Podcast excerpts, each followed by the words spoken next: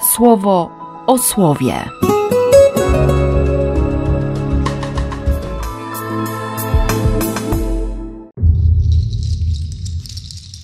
8 lipca, piątek. Wróć, wróć Izraelu do Pana swojego Boga, bo słaby się stałeś z powodu swoich nieprawości. Zabierzcie ze sobą słowa i zwróćcie się do Pana swojego Boga. Odezwijcie się do Niego. Naprawię ich mieszkania. Będę ich szczerze miłował.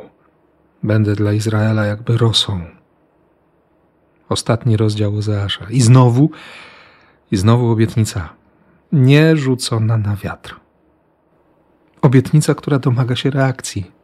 Wróć. Zabierzcie ze sobą słowa. Odezwijcie się.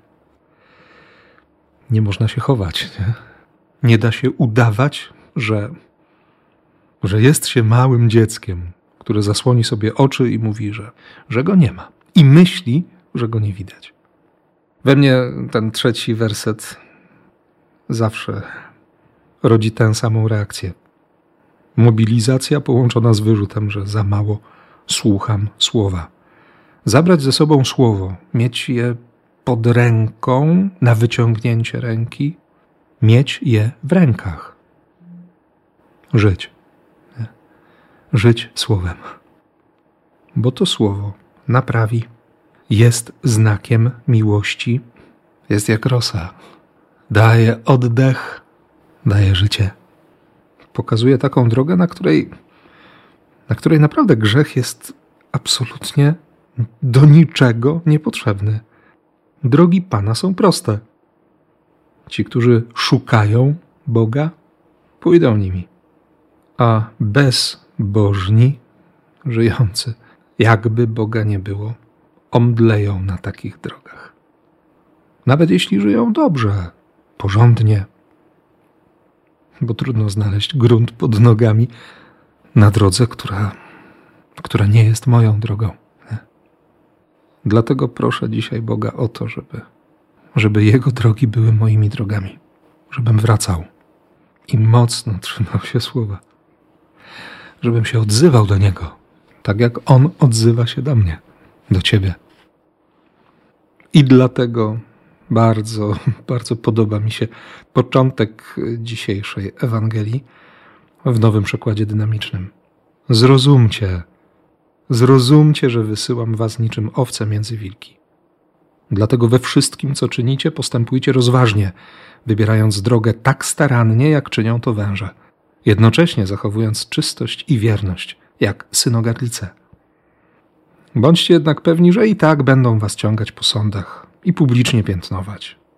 To jednak będzie dla was znakomitą okazją doświadczenia o mnie.